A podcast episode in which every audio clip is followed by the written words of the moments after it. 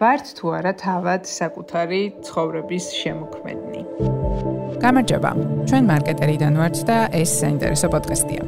საინტერესო პოდკასტი შექმნილია ცოდნის და ცნობის მოყარე ადამიანებისთვის. აქ განსაკუთრებული ყურადღებით ვარჩევთ თემებს და გიყვებით აუცილებლად მოსასმენ ამბებს. პროექტის წარმოდგენია საქართველოს ბანკი.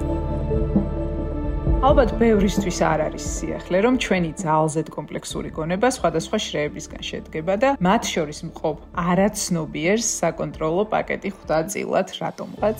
მეცნიერები ამბობენ, რომ 90-95% ჩვენი ტვინის აქტივობისა განპირობებულია ჩვენი არაცნობიერით. ანუ, რას ნიშნავს ეს? გადაწყვეტილებების უმეტესობა, რომლებსაც ვიღებთ, ემოციები, რომლებსაც შევიგრძნობთ, ეფუძნება სწორედ იმ მოგონებებს, გამოცდილებებს, რწმენებს დაჯერებებს, რომლებიც ღრმად არის ჩვენს არაცნობიერში ჩაბეჭდილი, ჩვენი წარსულიდან და ბავშვობიდან და უხეშად რომ თქვათ, მართავს ისე, რომ ამას ზოგჯერ ხშირ შემთხვევაში უფრო სწორად ვერც კი ვხვდებით. გამოდის რომ ძალიან მცირე, სულ რაღაც 5% რჩება ჩვენს ცნობიერ ნაწილს, არ ვიცი ამას როგორ ითვლიან, მაგრამ მეცნიერება ასე გვეუბნება, როცა მართლაც გაცნობიერებულად ვიქცევით და ზუსტად ვიცით, რას რატომ ვაკეთებთ. თუმცა ეს მოცემულობა იმას არ ნიშნავს, რომ ის უცვლელია. ადამიანებმა წლების განმავლობაში აღმოაჩინეს, მიაგნეს, გამოცადეს და დახვეწეს ის ტექნიკები, რომლითაც შეგვიძლია დღეს საკუთარი თავი უკეთ შევიცნოთ. თვით გამორკვევა, self awareness, რასაც ეწოდება, ეს არის ის, რაც გვეხმარება, რომ უფრო გაცნობიერებულად მოვახერხოთ ცხოვრება, მეტად წინ წამოვწიოთ ჩვენი ჭეშმარიტი იერსახე და გავთავისუფლდეთ უხილავი მარწუხებისგან. self mastery მოკლედ იქნება ჩვენი დღევანდელი თემა, ანუ საკუთარ თავზე დაოსტატება, ესე რომ გადავთარგმნოთ მაქსიმალურად მიახლოებულად ქართულ ენაზე, რაც იმას ნიშნავს, რომ ჩვენი ცხოვრების საჭესთან ვზივართ ჩვენ და არა უკანა სავარძელზე მგზავრის როლში და კონტროლის მექანიზმიც შესაბამისად მაქსიმალურად ჩვენს ხელშია. ამაზე სასაუბროთ თუ როგორ მიიღწევა ეს ტექნიკა, როგორ ხდება მისი შესწავლა, რა არის ამისთვის საჭირო. მოვიწვიეთ ლეო ინსტიტუტის გუნდის წევრები ანანო თომაშვილი და ეკო ჩუბინიძე. გამარჯობა ანანო, ეკო, მადლობა სტუმრობისთვის. გამარჯობა. როგორ გრძნობთ? კარგ დღეს. კარგად. ზიანი დღე გვაქვს ამ და ზიანი და თბილი.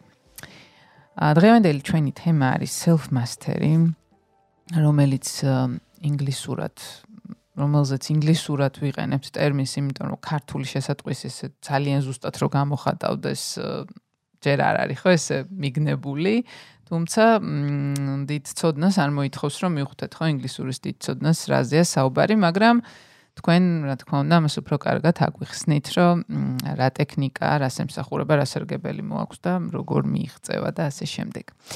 ა ჯერ დავიწყოთ თქვენზე საუბარი ლეო ინსტიტუტსაც მოგვიყევით ორი სიტყვით და თქვენს როლზე ამ ორგანიზაციაში.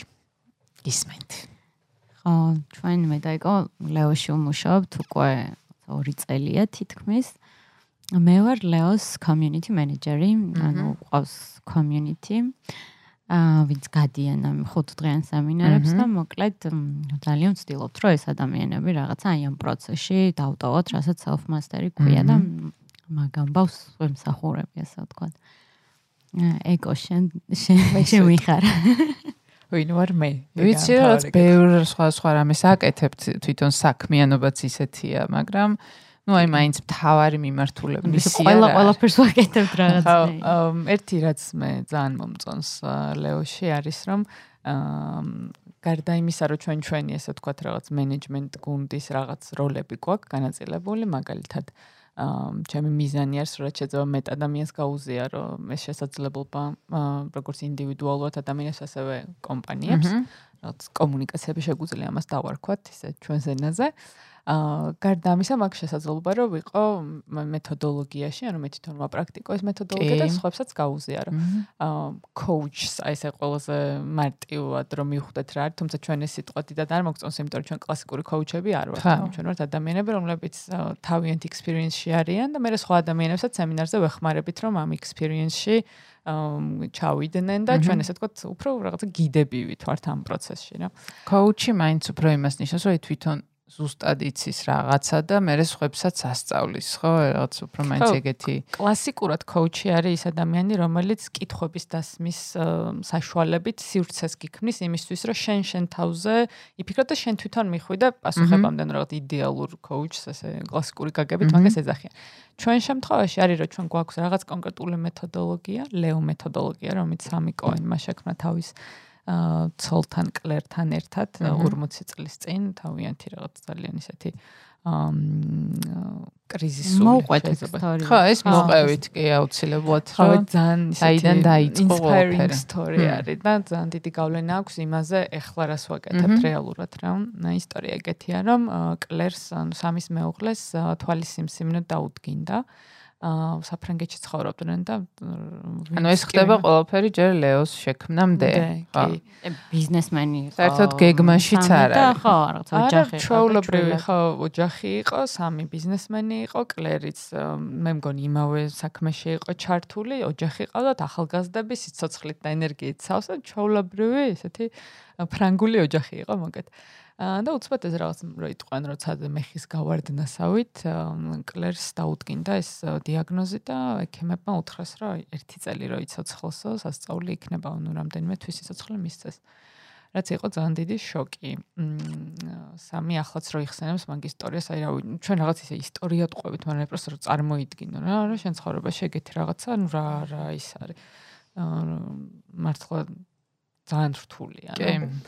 აა და იმის გამო რომ აი ესე ვერ მიიღეს სასურველი პასუხი ან რაღაც კონკრეტული ხედო ან დანიშნულება რომელიც ამ სიტუაციიდან გამოიყვანდა დაიწყეს ძალიან აქტიურად ეს მოდი ასე ვთქვა რაღაც თვით შემეცნების პროცესი. ანუ შიგნით ჩახედვა რომ აი როგორ ვქმნი იმას რასაც შემსხოვრებას ვეძახი ანუ როგორ ვქმნი ურთიერთობებს ჯანმრთელობის მდგომარეობას არ ვიცი კარიერას, ყველაფერს, აი რასაც ჩემ ცხოვრებას ვეძახი და რა რა კანონზომიერება არის, ნო? აჰა. და ამ ძიების პროცესში დაიწყეს ის, რასაც ჩვენ ახლა self mastery-ს ვეძახით, აი ამ რაღაცა დიდ მოგზაურობაში შეაბიჯეს. ანუ ეს მივიდნენ აქამდე თუ არამე კონკრეტული მეთოდი აირჩიეს აქამდე. მისასვლელად თუ ბევრი სხვა სხვა გამოცდილებები შეკრიბეს და საბოლოო ჯამში მიხვდნენ რომ ეგ გამოუვიდათ თუ აი რაღაც ერთი ხო აი წარმოიდგინე 40 წლის წინ როცა აი არც არც იყო ეს ცნობიერება ხო რა უბრალოდ არსებობდა რაღაც პრაქტიკები ნუ განსაკუთრებით აღმოსავლეთში.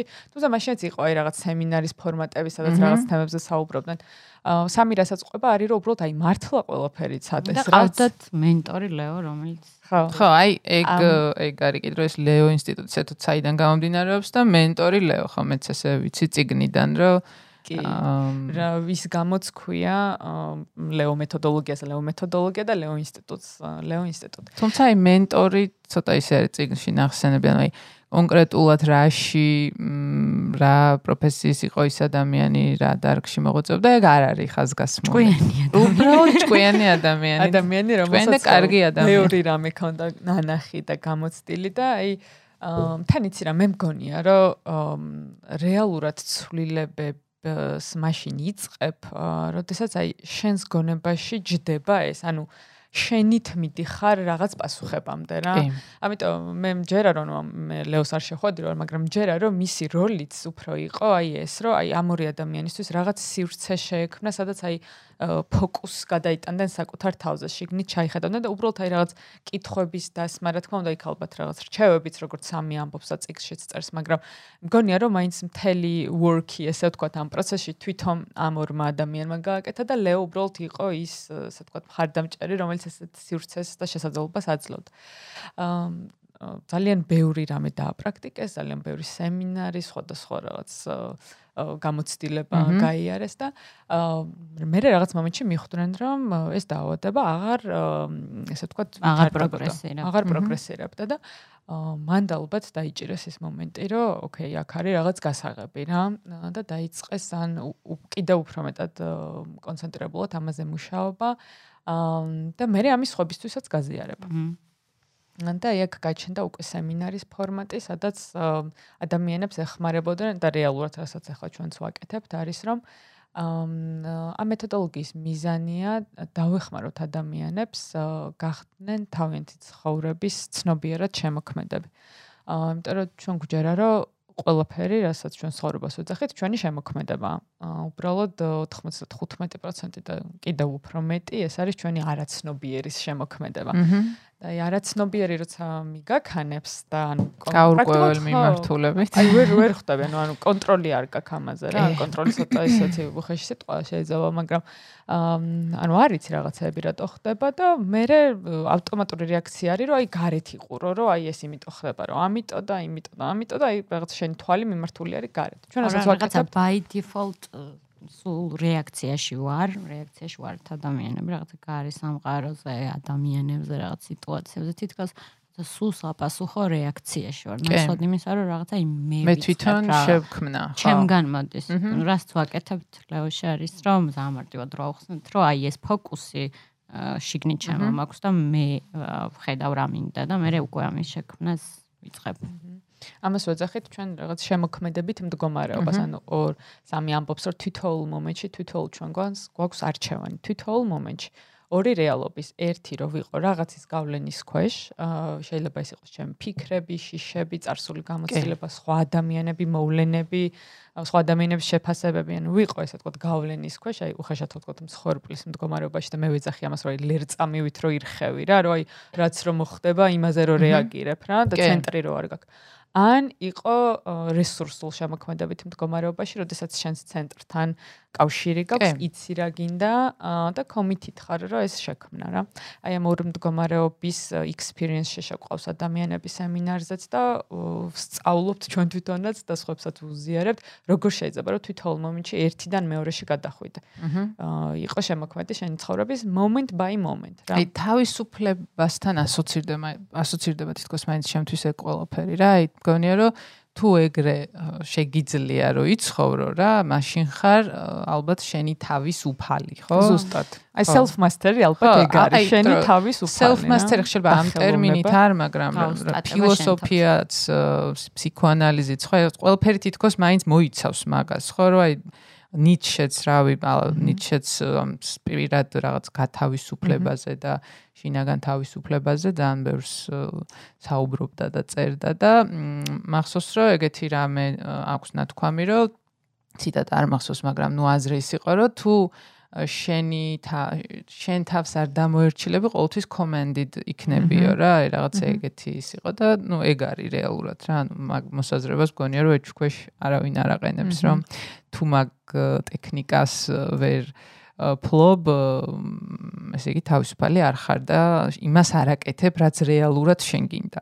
კი. აღარ და მან და არის ხოლმე ძალიან ისეთი ტრეფი, ამიტომ რაღაცნაირად ადამიანებს გონია და მეც მეგონა რომ რავი ახლა რას ქვია, ჩემი თავისუფალი არ ვარ და მე არ ვიღებ გადაწყვეტილებას და მე მე ვარ აბა ვინ არის და მე მე მივხვდი რომ თლათ ეგრე არ არის. არა, ხო, თლათ ეგრე არ არის, კი. რაღაც დაჯერებები მაქვს თურმე, რომელიც რაღაც გავაკეთე ძალიან ღრმა ბავშვობაში, დასკვნები გავაკეთე და თითქოს რაღაცნაირად მუდმივად, როგორც აი რაღაც კომპიუტერში სოფტი ჩართულია და მუდმივად ონზეა და რაღაცნაირად აი ბექგრაუნდში რაღაც ბრძანებებს მაძლევს რა და აა კი. თურმე არც ისეთი მე გამომიჭერია ჩემი თავი პირდაპირ ამ სიტყვის მნიშვნელობით, რომ ერთ ვთქვათ რაღაცაზე გვიკამათია მეგობრებს და ის რაღაც აზრს აწვევი თელი შენი რესურსით და ოდნავ თუ დაფიქრდები, რომ აი რატო ვიცავ ამ მოსაზრებას? ესე ძალიან მე ამაზე ესე მიფიქრია, მიმსჯელია და გამომიტანია. და სხვა თუ ეს ოდესღაც სადღაც აი აქ ჩაი ყოდა ასე ვთქვათ და ამიტომ ამას თელი ეს მონდომებით გამაქვს ეს აზრი. სინამდვილეში საერთოდ არც ეთანხმებოდი ამას. არც გჯეროდეს მე საჭიროება გაქვს. მაგრამ ფიქრ იყო მართალი. კი ფიქრობდე რაღაცა აი მართლა კოუდინგივით არის რომ ეგრე ხარ დაპროგრამებული რომ აი ესეა და всё. აი მაგით ნახულობთ სემინარზე ჩვენ რატო რატო ხდება რომ რაღაცას ვაწვალიან კარგი. რაც რა შეგვიძლია. თავარი არის რომ ეს რასაც აწვევი იყოს გააზრებული და არა თავსმოხვეული და რაღაცა ბავშვობაში ოდესღაც ვიღაცის მიერ ნათქვამი და ჩარჩენილი ხო ანუ ძალიან მნიშვნელოვანია რომ უმეტესობა რაღაცების ცხოვრებაში და მithundes მნიშვნელოვანი რაღაცების ვაკეთოთ გააზრებულად და ხო გაცნობიერებულად, კაი სიტყვა არის გაცნობიერებულად. ამას აკეთებთ ესე იგი თქვენ ამ სემინარებზე ხო? კი. ხო, რაღაცა ეტაპები გამოგდით. მაგრამ ყველას გამოსდის თუ არა და თუ არის რამე მზაობა საჭირო ადამიანის მხრიდან, რომ ის რაც იქ თქვა თქვენ სემინარებზე რისი გაცემაც ხდება, ამის მიმღებლობაც იყოს შესაბამისი. ანუ ყველაზე ერთნაირად შეიძლება რომ ამ სემინარმა მოახდინოს გავლენა თუ რაღაც არის საჭირო ან რაღაც სკილები ან რაღაც მდგომარეობა, რომ ადამიანმა უკეთ მიიღოს ასე ვთქვა სარგებელი ამ ყოველფრისგან.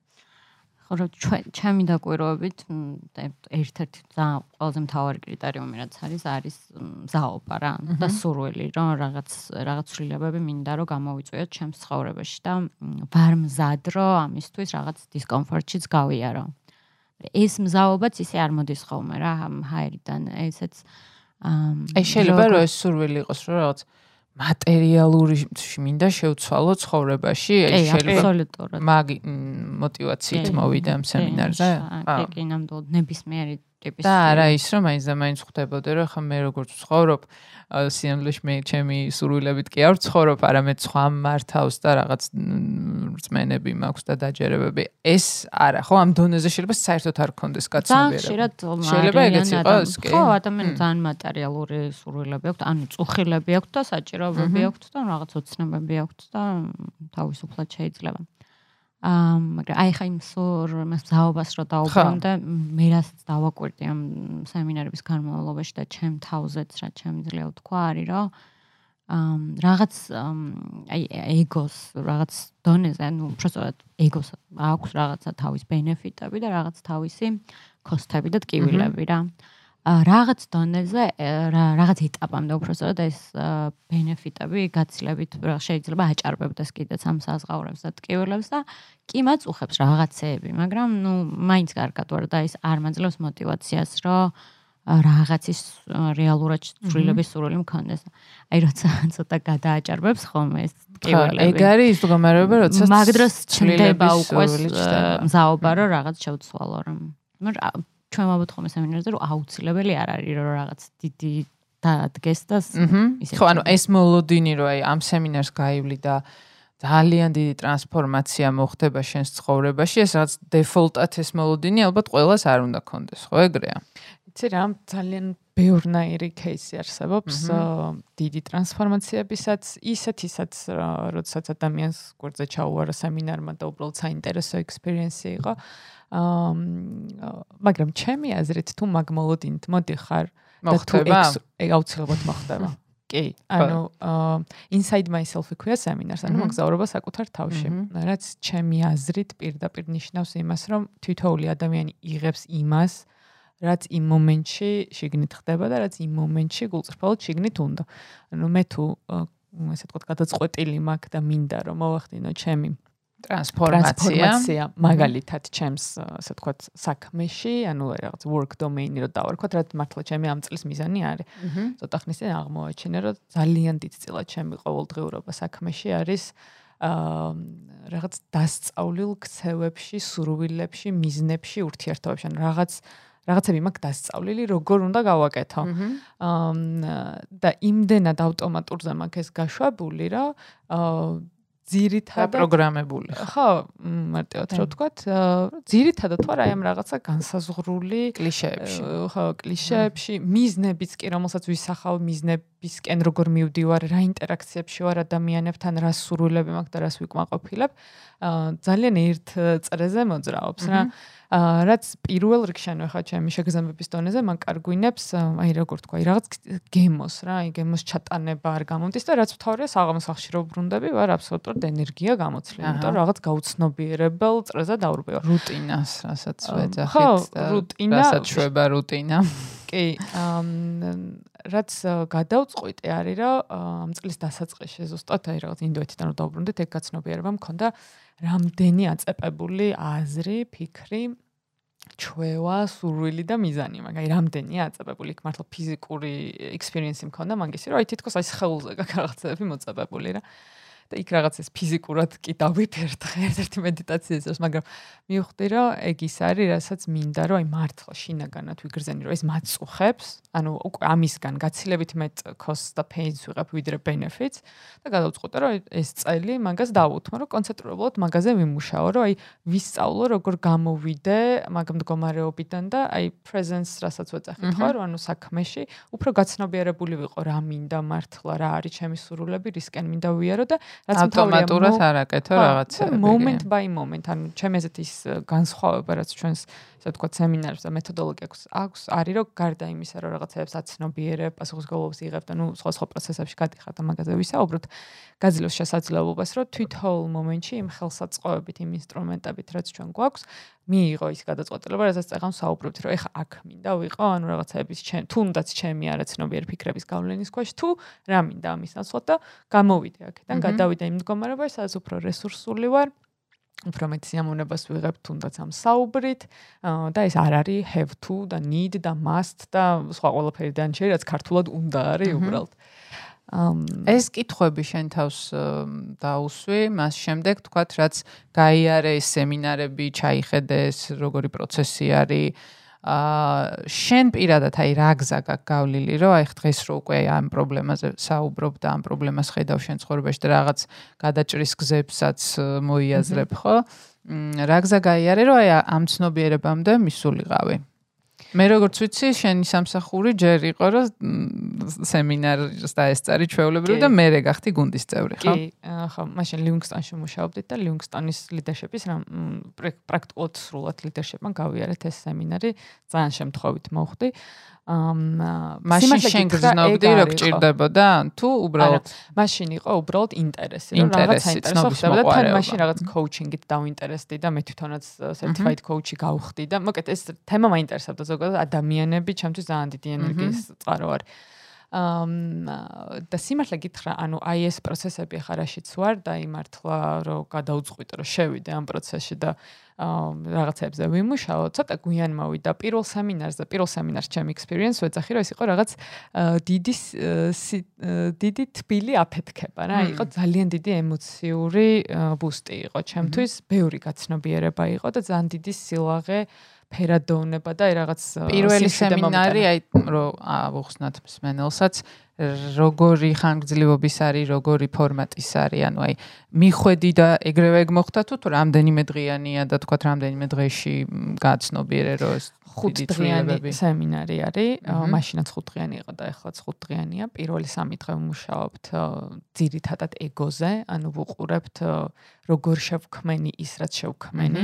აა ვიღებთ პასუხისგებლობას მაგაზე და ვაკვირდებით როგორ ფუნქციონირებ, ანუ რა არის ჩემი ეს ავტომატური ქცევები, ფიქრები, ემოციები, რა არის ეს ჩემი თვითგადარჩენის მექანიზმი, მოკეთ რომელიც მაფუნქციონირებს ყოველდღიურობაში.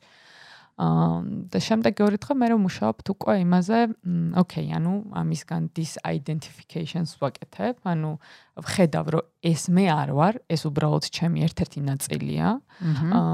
და აი მანდ ჩდება იმის რესურსი, რომ ოკეი, ანუ რა რა მინდა ანუ ეს თუ შევქმენი და ეს რაღაც ჩემ ავტომატურმა ქცევებმა შექმნა, საიდანაც ბევრი კარგი რაღაცაც შექმნა, მაგრამ მათ შორის ესეთი რაღაცებიც რაც არ მომწონს და მინდა შევცვალო. ეხლა როგორ შემიძლია რომ ეს შევცვალო და როგორ რა რა მინდა საერთოდაც რა? ანუ აი სამ ხუთ დღეში აა და ანუ იდენტიფიცირებაც მოხდა და ტექნიკაც ისწავლე როგორ უნდა ქნა, ხო? ანუ ხო, იცი რა, ჩვენ ვამბობთ რომ ეს არის journey-ა, ხო, განგრძობითი პროცესია რა თქმა უნდა, აი ეს რაღაც გზები გაიკვალა, ხო? აი ამ მიმართულებებით, ანუ შეიძლება ამ წურვადი საერთოდ არასდროს არ იყოს, ხო? ალბათ ეგ აა რაზეც ახლა საუბრობთ, ხო? ალბათ თელი ცხოვრება მაგ ჯერნიში ვართ, მაგრამ გზები მაგ მიმართულებით გაიკვალა, რომ მინიმუმ ის მაინც ვიცით, რომ აი ეს რაღაცები არსებობს და შეგვიძლია გავაკეთოთ, ხო ეგრეა? და მე უკვე ჩამოვაბობთ რომ შენზე არა როგორ გააგრძელებ. ეხლა რომ საუბრობდით კიდე ისეთი განცდა მქონდა რომ ყოველთვის ტრანსფორმაციული რა თქმა უნდა არ არის. ეკომ რო თქვა რომ თუ ძალიან გინდა არის, ოღონდ მანდაც თუ ძალიან გინდა სხვებს ელოდები რომ რაღაც უცებ შენ magic sticks მოგიქნევენ არა რა. ეს ეს სწორი მოლოდინები მგონია რომ ძალიან მნიშვნელოვანია, სწორი წარმოდგენები და მოლოდინები. ანუ შენ თუ ხვდები რომ აქ არის რესურსი და შენ ეს რესურსი გინდა გამოიყენო. და ჯერა კიდეც ალბათ ხო? ხო, და მინდა რომ ეს რესურსი გამოვიყენო და ამისთვის რაღაცა ყველაფერს გავაკეთებ იმ 5 დღეში რომ ეს რესურსი გამოვიყენო და მერეც. აა მაგ დროს მართლა ტრანსფორმაციული არის ხოლმე რა. აჰა. და მე არის ჩვენ ვამბობთ რომ სემინარის მერე იწყება მთავარი ამბები უკვე ამის გაგრძელების რა რაც მიგა სემინარიდან და მიმოქვს სემინარიდან აი მე რას ვუშვები ამ ყველაფერს და როგორ ვაინტეგრირებ ცხოვრებაში როგორ გამოგს ცხოვრებაში. და სემინარზე self mastery მოკლედ. თქვენ რამდენი ტიპის ტიპის სემინარი გაქვთ ხო? რაღაც ლეველებია ხო? ჯერ თქვათ იწება inside myself-იდან და მე კიდე უფრო და უფრო ზემოთ შეგიძლია ახვიდე ხო? ბოლოს advanced-ამდე ადიხარ თუ სწორად მესმის.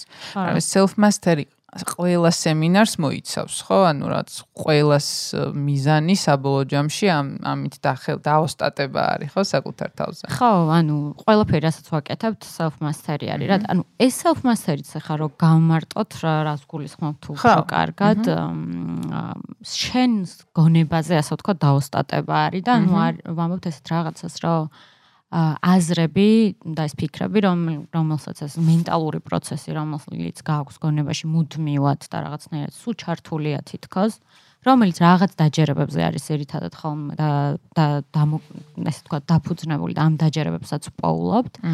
ეს რაღაც ემოციებს იწვევს შენში და ამის შედეგად რაღაც ქმედებებს აკეთებ, ან რაღაცნაირად იქცევი, რაღაცას აკეთებ, ან რაღაცას არ აკეთებ. რასაც ვეძახით ხოლმე გაუცნობიერებელ ქცევის პატერნს. ხანდახან ამას ვარქმევთ, რომ აი ესეთი ხასიათი მაქვს, ან რაღაცა ესეთი ვარ. ხო, მაგრამ სინამდვილეში ამის უკან რაღაც უფრო დიდი დგას, ვიდრე ეს რაღაცა უბრალოდ თქვა, რომ მე ესეთი ვარ. მიზეს შედეგობრივი კავშირი არის ხოლმე როგორც წესი ეგეთ. კი, კი, კი. კითხოებში. აა ხო და რასაც ვეძახით self-mastery-ს არის, რომ ანუ ეს ქცევა მე რასაც ვაკეთებ, ხო, ქმნის ჩემს რეალობას. აა აა თუ მინდა რომ ეს ჩემი რეალობა შევცვალო, უნდა შევცვალო ქცევები, მაგრამ ქცევები რა შევცვალო, ამისთვის ჯერ აი ამას რაც ასე ვთქვათ აპროვოცირებს, ის უნდა შევცვალო, ანუ აზრები, ფიქრები და ეს რაღაცა, არ ვიცი, ფიქრის პროცესი, რას ამუშავებ რა აგონებაში, რა რა პროცესები მიმდინარეობს. ჩვენ ვამბობთ, რომ self mastery არის აი ამ ჩემი აზრების და ფიქრების მასტერინგი და დაოსტატება აი ამ პროცესზე რა. ანუ შეგვიძლია რომ ეგეთ პარალელის გავლება, რომ ღრუბლებივით არის რა ეს ფიქრები. ფიქრები ხო, აი ეგ არის ალბათ keyword-ი ხო აქ? არის ხო, ღრუბლებივით. და არა ემოციები. და არა ემოციები, ხო, იმიტომ რომ ემოციებს ვერ აკონტროლებ, ემოციები მიდის, მოდის.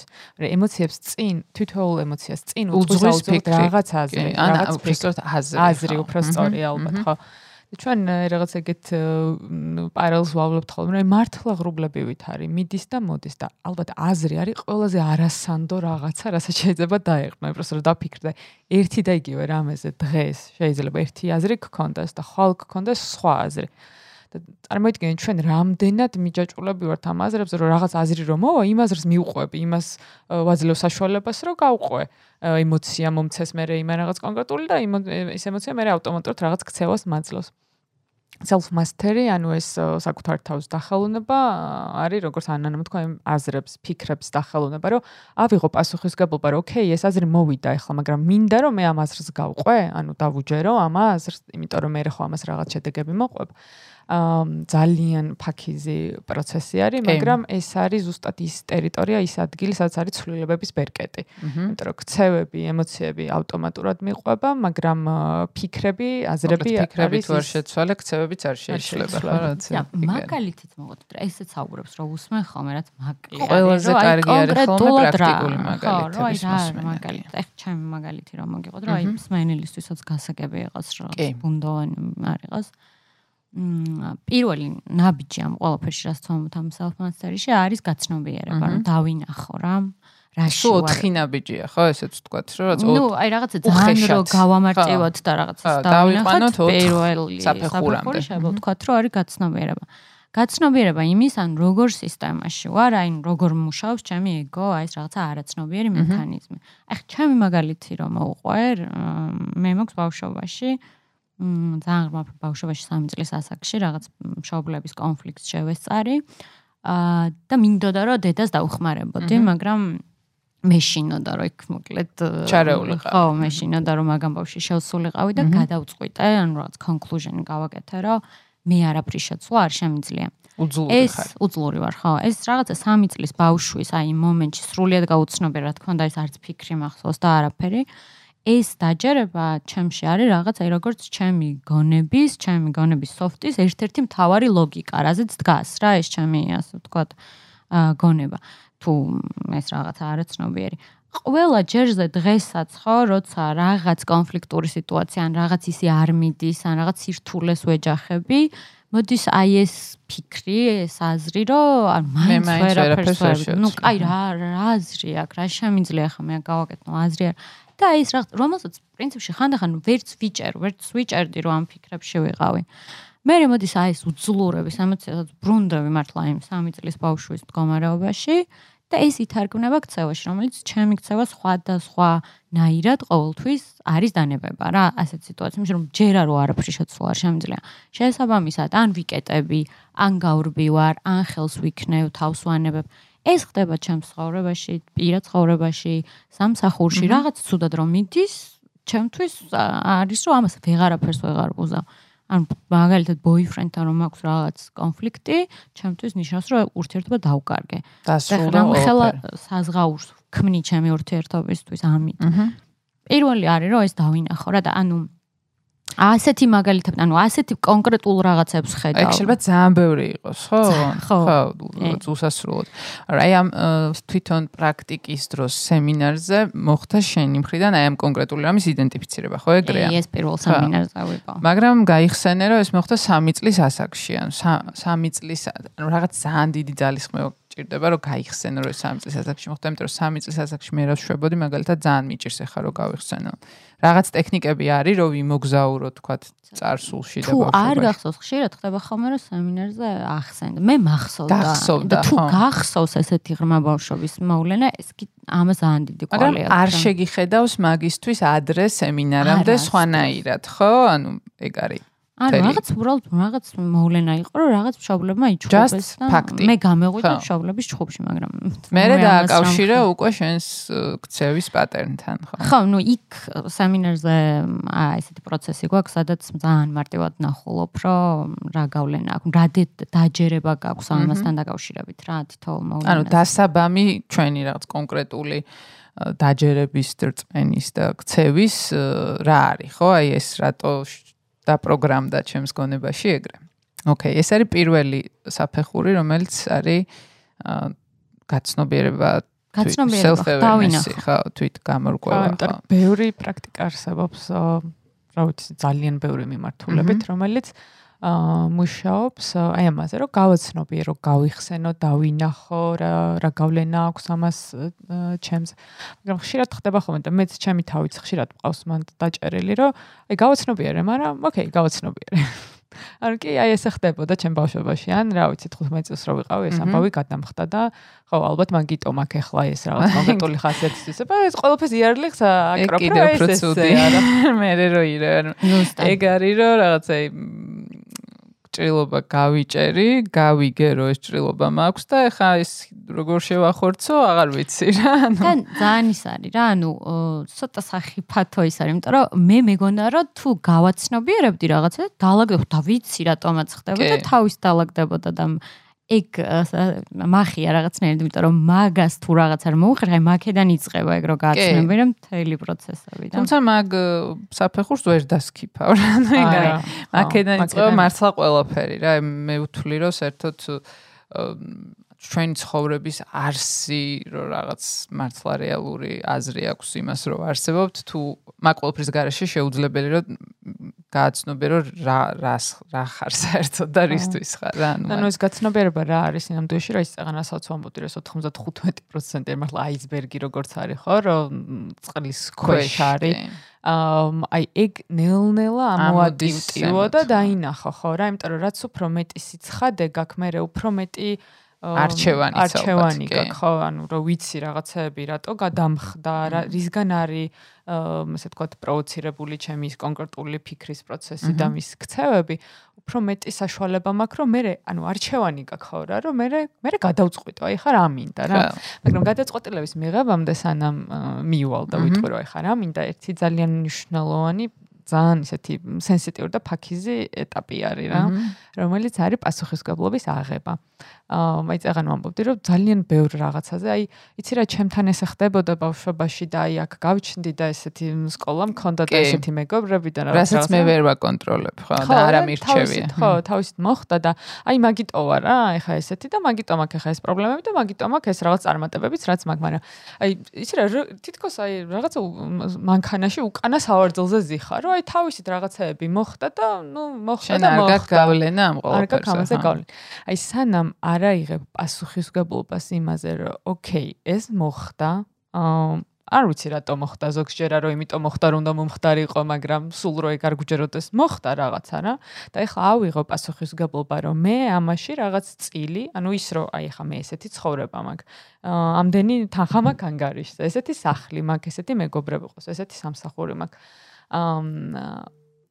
ცვლილებები იწყება მაშინ, როდესაც ამ ყოველფერზე იღებ პასუხისგებლობას, რომ ეს არის მართლა ჩემი შემოქმედება.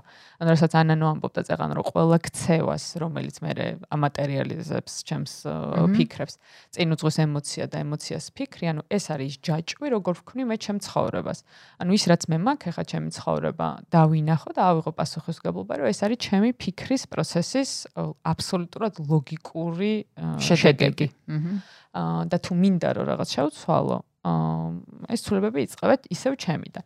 იმიტომ რომ თუ ამას უყურებ ისე რომ აი რაღაცები მოხდა თავისით და აი ანანომ ეს მითხრა და იმან ეს გამიკეთა და ანუ მაშინ სად მაქვს? ანუ არ მაქვს ხელში ბერკეტი არაფრის ცულების და უბრალოდ მართლა ესე ლერწამივით ვიხრები რა. კი, ძალიან დიდხანს მეგონა და მეშლევა და პასუხისგებლობა რაღაცა ბრალეულობის პონში. აი ეგ უნდა მეთქვა ხა მე ცოტა თვითკენ მისკენ შეიძლება წაგიღოს რაც ამაზე საუბარი. ეგ არ არის რა, მაგრამ შეიძლება რომ რაღაცნაირად თავიდან შეაგერიოს მაგაში და მე მე ხშირად შემშლია და რაღაცნაირად ჩემი თავი გამიმათრახებია რომ აი მე შევქმენი და ეს მე მე ვარ ყველაფერი ჩემი ბრალია და სინამდვილეში ჩემი ბრალია თუ ვის ბრალია მაგას არ ვეძებ. აჰა.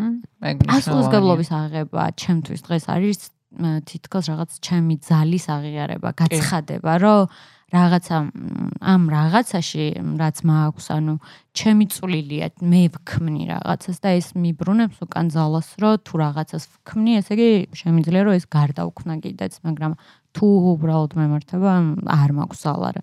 პირველ რიგში აი ჩემთვის ახლა დღეს ეგ არის რომ ჩემი ზალა ვაღიარო პასუხისგებლობის აღებით. რაც განსაკუთრებით მტკივნეული არის მაშინ როცა იმას უყურებ რაც არ მოგწონს. და უნდა ანუ იმიტომ რომ აი კაი რაღაცები შევქმენი კი იყო ჩაღი ვარ მაგარი ეს ჩემი და ეს ჩემია და ის რაც არ მომწონს ჩემ ცხოვრებაში დამემართა ვიღაცამ გამიკეთან ან პირიქით, იმიტომ რომ მეც מחასიათებს ბრალეულობა, რაღაც როცა კარგად არ მიდის, სულ ჩემ თავს ვაბრალებ, მაგრამ აი ზუსტად ის მომენტი არის რა, აი რაღაცა ფაქიზი ზღვარი არის შუაში. ხო, ძალიან პოულია მან რადიკალური პოზიციის დაჭერა, იმიტომ რომ ძალიან სიფაქიზე ტერიტორია არის. კლერის მაგალითიც რა ვთქვათ, ანუ საიდანაც დაიწყო ამ ადამიანის განკურნება, იყო რომ აღიარა, რომ ეს დაავადება მე შევქმენი, ანუ ჩემი შექმნილია რა მაგ მომენტიდან. აიღო პასუხისგებლობა და აი უფრო ცხადად რო ვთქვა რა არის პასუხისგებლობის აღება. ანუ რას ვაკეთებ? ან არ ვაკეთებ, რას ვამბობ, ან არ ვამბობ, რაც შედეგად ქმნის იმ რეალობას, რაც ახლა მაქვს. აი, შეიძლება რომ ჩემ არამე ქმედება მამ ნაცქვამმა კიბო დამართოს, ანუ ეს პირდაპირ გაგებით, რომ რაღაც შემი უჯრედები გადააგვაროს. ანუ აი ამ ასე უნდა გავიგოთ ეგ ესე პირდაპირ თუ სხვა რამეს გულისხმობთ. ეგ ავხსნათ იმიტომ რომ ძალიან უხეშად ჟღერს რომ აი ეს კიბო მე შევქმენი ხო? აი ძალიან ბევრი ადამიანი თქვა თუ ისაც ეს დაავადება შეიძლება ბევრია ხო ეს ადამიანი შეიძლება რაღაც მოისმინოს და ძალიან თუდად მოხვდეს ყურში ხო რომ აი ჩემი ბრალია რომ მე ეს მჭირს და ამიტომ კარგად გავმარტოთ იმიტომ რომ აი ძალიან ფაქიზი რამე ხო აი ზუსტად ჩემი ბრალია. აი ნახე. ბრალი ხო. ანუ აი ეგეთი ინტერპრეტირების საშუალება შეიძლება მოქცეს ამ სიტყვა პასუხისგებლობა ეგ კარგად გავშალოთ რომ ცხადი გახდეს რა იგულისხმება ამაში. იცი რა ჩემი აზრით ეს პასუხისგებლობის აღება არის ძალიან ისეთი შინაგანი აქტი არის რა. რომელიც რთულია რომ გამოხატო და თვითონმა ადამიანმა თვითონ იცის როდის იღებს ხო რაღაც კონკრეტულზე პასუხისგებლობას აა მაგალითად იცი რა მე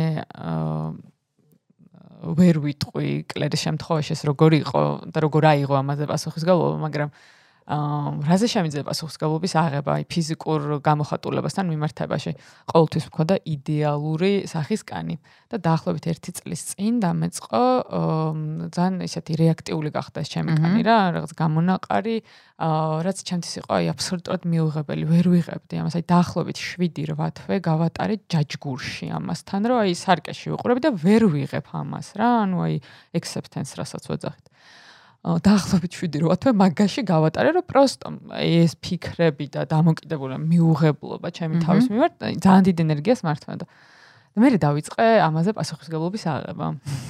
რომ ანუ ეს ახლა რაც ახეზე მაგ მე შევქმენი.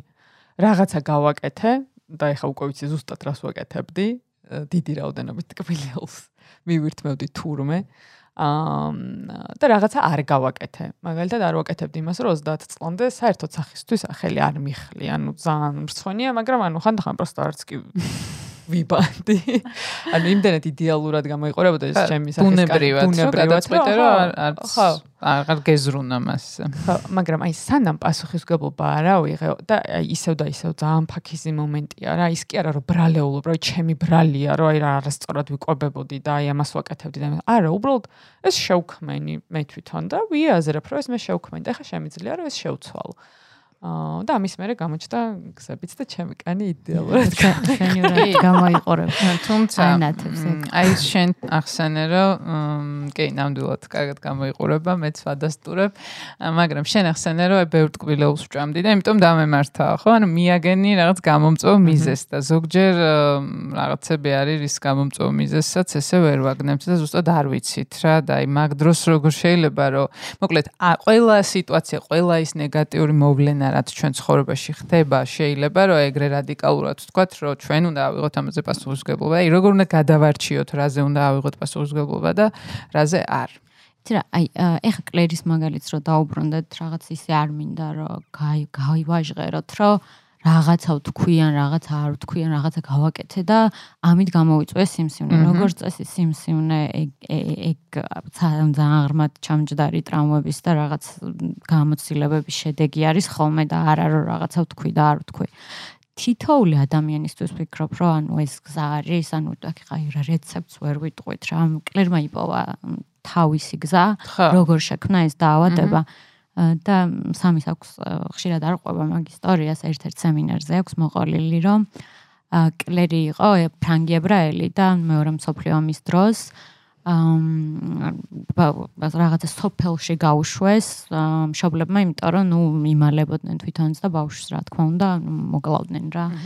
და მოკლედ რომელიღაც სოფელში ბევრ ბავშვ ოჯახში იზრდებოდა სადაც ბევრი ბავშვი იყო აკლერს მუდმივად მალავდნენ და ნუ ძალიან დაჩაგრული იყო შესაბამისად, იმიტომ რომ ნუ რაღაც მზის სინათლეზე ვერ გამოდიოდა რა თითქოს და ერთხელ გახდა ძალიან ავად და მოუწიათ რა ექიმი გამოეძახებინათ და აი იმ ბავშვმა რა ვიცი რამდენი წლის იყო 4-5 წლის ბავშვმა დაიჯერა რომ ავად თუ ვარ ვიღებ სიყვარულს და მზრუნველობას, იმიტომ რომ ეს იყო ერთადერთი მომენტი, როდესაც რაღაც ექსტრა მზრუნველობა მისცეს რაღაცის უფლება მისცეს, რის უფლებაც არასდროს არ ქონდა, რომ რაღაც ექიმი მოვიდა მასთან და რაღაც ეს მიიღო რა. და მაქედან შეგვიძლია რომ მაგაზე ავაწყოთ ლოგიკა, რომ დაავადება როგორ შეიძლება რომ მიიპყროს ყურადღება. და მოდი ცუდად ვარ ვიყო ქვეცნობიერად. ხო, საუბრობთ იმაზე, რომ არის რაღაც დაჯერებები, რაც იმ ბავშვობაში გავაკეთე, შესაბამისად რაღაც ფიქრის პროცესი წევს ემოციას და მე რაღაცას ვაკეთებ.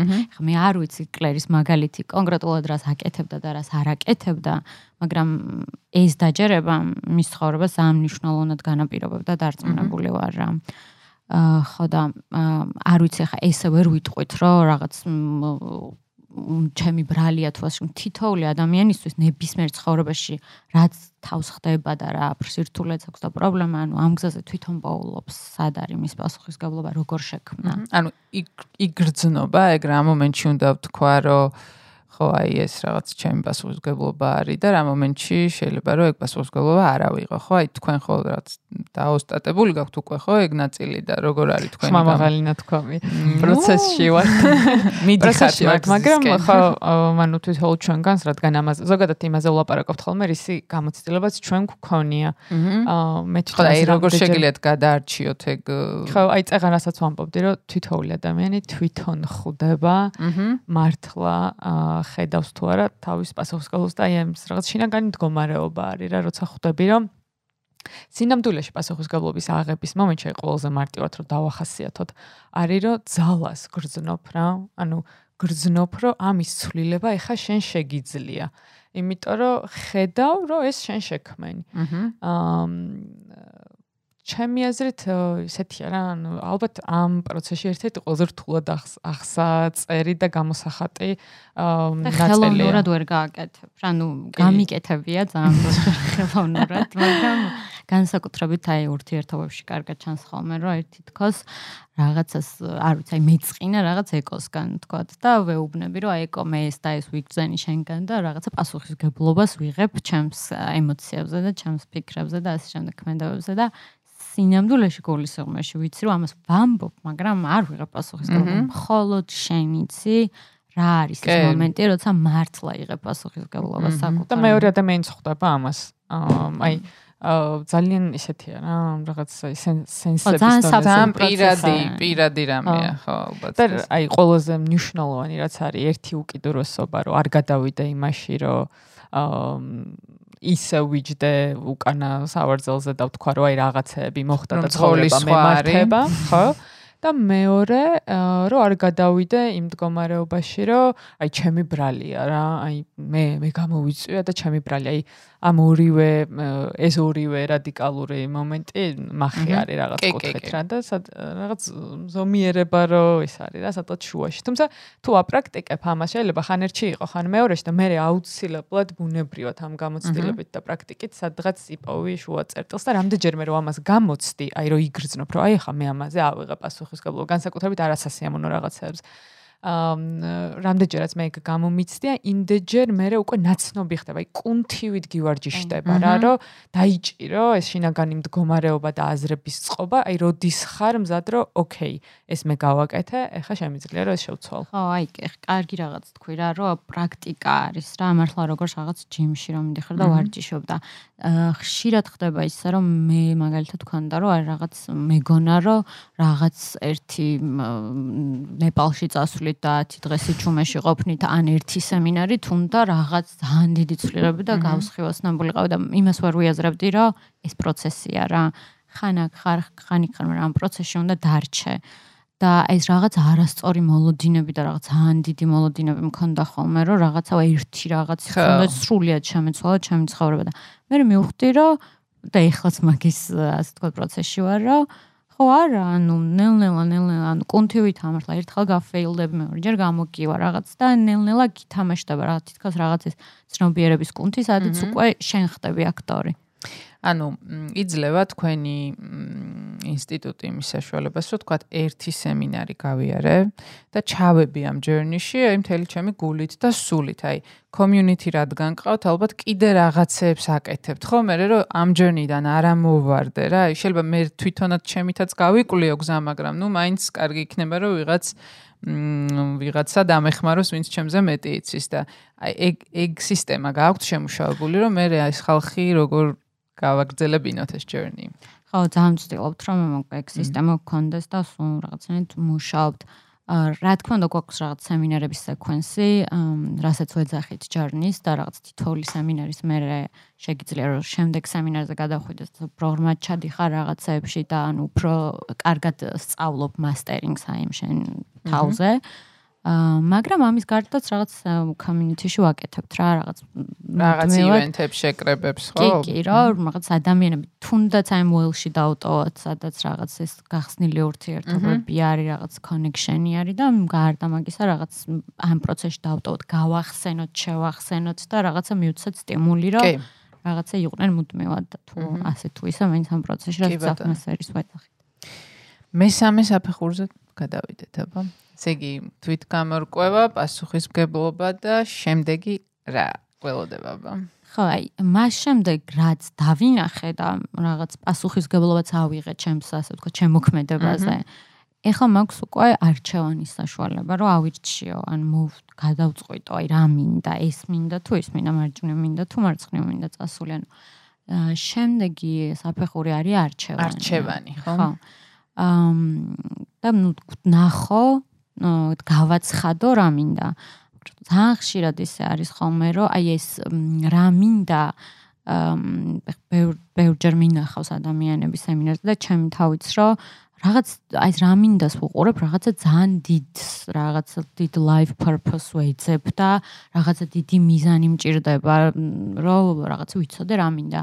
ეგეც რაღაცნაირი საფრთხის არის რა מחია, იმიტომ რომ მე ხა დღეს უკვე ესა ვუყურებ, რომ ეს რაღაც დიდი მიზანი ნელ-ნელა მოდის აი ამ კონტის თამაში რა, მაგრამ ლეოში რაზეც მუშაობთ ჩვენ არის, რომ აი თითოეულ მომენტში რა მინდა.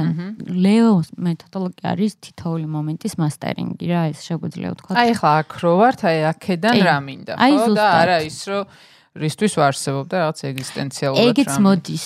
მე მჯერა რომ ეგ მოდის თავის თავად. ბევრი პრაქტიკის მერე, ხო. ხან უცებ მოდის, მაგრამ ხანდახან ბევრი პრაქტიკის შედეგადაც მოკლედ ეგ მოვა ასე თუ ის მე ამის მჯერა, მაგრამ აი თითოეულ მომენტში რა მინდა, აი ხლა აქეთ მინდა თუ იქით მინდა და მე უკვე თითოეულ მომენტში აი თითქოს აი როდესაც ეს რაღაც არაცნობიერი მექანიზმი მიმაქანებს, გავჩერდე და რაღაც ცნობიერების სხივი შევიტანო, რომ აი რა მინდა და ამ მომენტში გადავწყვიტო ეს მინდა თუ ის მინდა.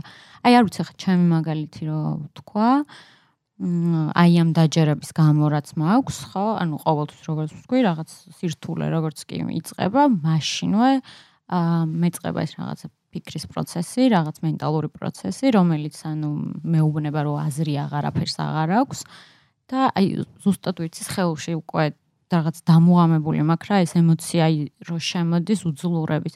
აი ამ მომენტში რო შევხედო, დავინახო, დავაიდენტიფიცირო, რომ აი ეს არის ახლა. და ოკეი, რა ეხლა რა მინდა? ამას მინდა რომ გავყვე, რომ აი ამ რაღაცა მიმაქანოს და ამან შექმნას ჩემი ცხოვრება თუ მოდი რაღაც სხვა მინდა. ანუ თუნდაც აი აქ უკვე ამ ფიქრის შემოტანით, რაღაც ნობიერი ფიქრის შემოტანით. ცვლი რაღაცას. კი, უკვე უკვე ფიქრის აი ამ პროცესით ცვლი რაღაცას, იმიტომ რომ გონებას ორ რამეზე ერთად ფოკუსირება არ შეუძლია რა და თუ იმაზე ვიწყებ ფიქს, რომ ოკეი, ხა ამ მდგომარეობაში ვარ და აი რა მინდა ამ მდგომარეობაში შევქმნა, იმაზე ვეღარ ვფიქრობ, რომ აზრი აღარაფერს აღარ აქვს. და უკვე კონცენტრირდები კონკრეტულ არჩევანზე და ექშენზე. მე რა ვიწყებ რაღაცა ქმედებას რა.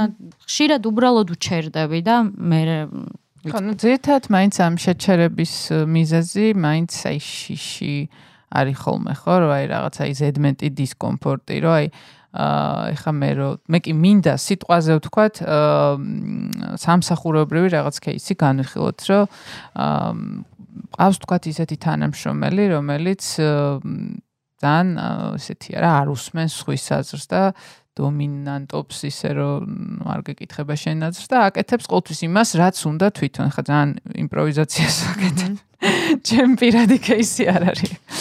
შენ გინდა რომ ამ ადამიანს უთხრა, რომ მოდი რაღაცა სხვანაირად თქვნათ რა, უფრო გუნდურად თქვნათ ერთმანეთს მოусმინოთ, მაგრამ იცი რომ ხე შენ რო ეს უთხრა მას, რაღაცა კონფლიქტურ სიტუაციას წარმოქმნი, ხო? ანუ ზოგჯერ კიდე ძალიან ხშირად გვინდა ხოლმე რომ თავი ავარიდოთ ამას და ზოგჯერ გვეშინია რომ მე ის იმან რაღაც სუდი რეაგირება არ მოახდინოს და რაღაც ხო აი ძალიან ხშირად არის ხოლმე ეს დამაბრკოლებელი ფაქტორები რა თუმცა თუ მართლა აი მართლა ეგეთი პროცესია რა არ ვიცი ხ რამდენად კარგად გამომივა ამის გადმოცემა მაგრამ რაღაც მომენტი ხო არის ხოლმე რომ აი რომ გამოიჭერ შენ თავს რომ აი ყელში გაქვს უკვე ეს ერთი და იგივე და მართლა თუ გინდა რომ რაღაცა შეცვალო აი ხა ამ წამს უნდა იმოქმედო რა და აი თუ მართლა მიიღებ იმ მომენტში ამ გადაწყვეტილებას, აი მოგდა მართლა რაღაცა შეცვლი რა, კი შეიძლება ცუდად შეცვალო, ცუდად იმ კუთხით, რომ მართლა შეიძლება ვიღაცამ სამსახურიდან გაგიშვას მერე, მაგრამ ის ტანჯვა შენი მორჩება რა, ის რაღაც წრეზე ყოფნა მორჩება და ის ერთი მომენტი არის ხოლმე ძალიან მნიშვნელოვანი, მაგის ახსნა რა ის მომენტი როგორ დგება ცხოვრებაში, არ ვიცი რამდენად შესაძლებელია რა, ანუ ფაქტია რომ დგება ხოლმე რა რაღაც კი, ანუ დგება ხოლმე მაგ რაღაც ყელში ამოსვლითაც ძალიან კარგად. სხვა გზა რო აღარ მაქვს ხოლმე. მაგრამ ჯობია რომ მაგდენი არის ტანჯო და ხო, სანამ ყელში ამოგივა ჯობია რომ მანამდე შემიძლია, მანამდეც მაქვს ძალა რო რაღაცები გავაკეთო. კი, კი, თან ეს თუ მომენტებზე ვსაუბრობთ ხა მომენტებით სავსეები ვართ ხო, ანუ ყოველი დღე ძალიან ეგრე ძალიან საინტერესო ხდება, ხო, ეგრე თუ შევხედავთ მაგ პერსპექტივით, რომ ყველგან რაღაც ცვლილება შემიძლია შევიტანო თუ საჭიროება ამ ცვლილებას და თუ მინდა. ისე რომ არ მოგბეზრდება. კარგი, მესამე ეტაპი გასაგებია მეოთხემდე სანამ გადავალთ, ეგეთი კითხვა მინდა რომ დაგისვათ ორივეს.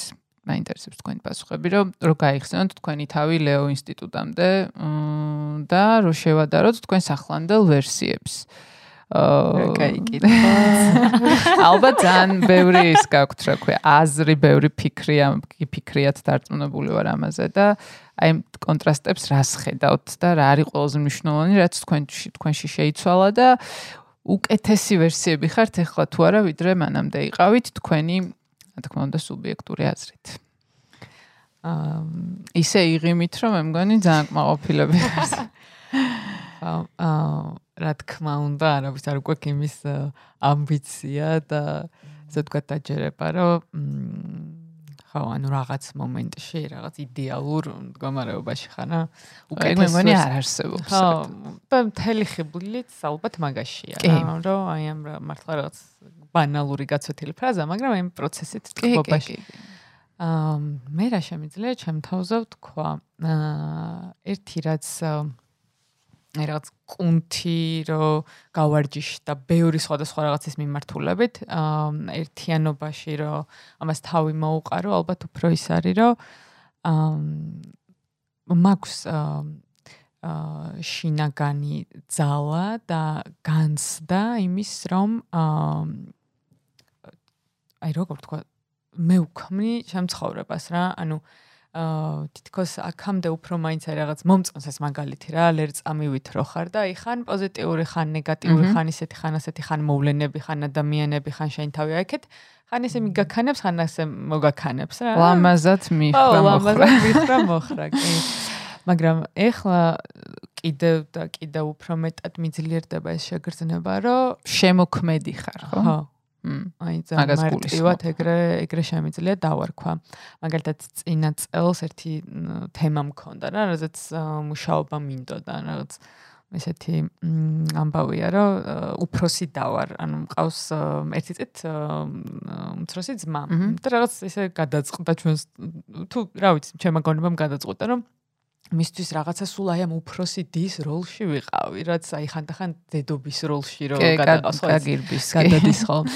აა რაც ანუ ძალიან ძალიან კარგი ურთიერთობა გქონდა, მაგრამ დროდადრო დავიწყე დანახვა აი ეს როლში, ჩემი როლში ყოფნა, ამას რა გავლენა ქონდა ჩვენს ურთიერთობაზე რა. ამ და წინა წელს გადავწყვიტე რომ ოკეი ეს ესე აღარ მინდა რა ნუ მინდა უფრო მეტად ვისიამოვნო იმ რაღაც დაძმური ურთიერთობით მეგობრობით აი ადამიანთა ყოფნით და აი გამოვიდე ამ რაღაცა ჩემი ჩარჩოდან და ჩემი როლიდან რა იმიტომ რომ ესეც მასაც უბიძგებს რომ რაღაც ინსტინქტის დონეზე არის ხო უკვე დაყვანილი რომ ეს ინსტინქტური ხა. ბავშვობის ან იმ დროინდელი რაღაცა გამოცდილები დედობრივი მზრუნველობები და შემაწუხებელი ხო აი რაღაც ჩარჩოში გამყოფებს რა და მე ის წლები რო გრძელდება ნებისმიერ ურთიერთობას ამბობ ამას. აი რაღაც ავტომატურ პროცესში ხარ, თითქოს მართლა რაღაც სოფტია გაშვებული რა. აა დავინახე რომ ამის ცვლილება მინდა. და მართლა წინა წელს აი ძალიან აქტიურად ვიმუშავე ჩემ თავზე ამაზე. და აი ახლა მართლა აი გულწრფელად შემიძლია ვთქვა რომ აი გაცილებით უფრო სავსე გახსნილი გულწრფელი მხარდაჭერა და ჯანსაღი ურთიერთობა მაქვს ხო გვაქვს და აი ამით მე მგონია რომ სიამოვნებას იღებს თვითონაც და რაც თავია მეც.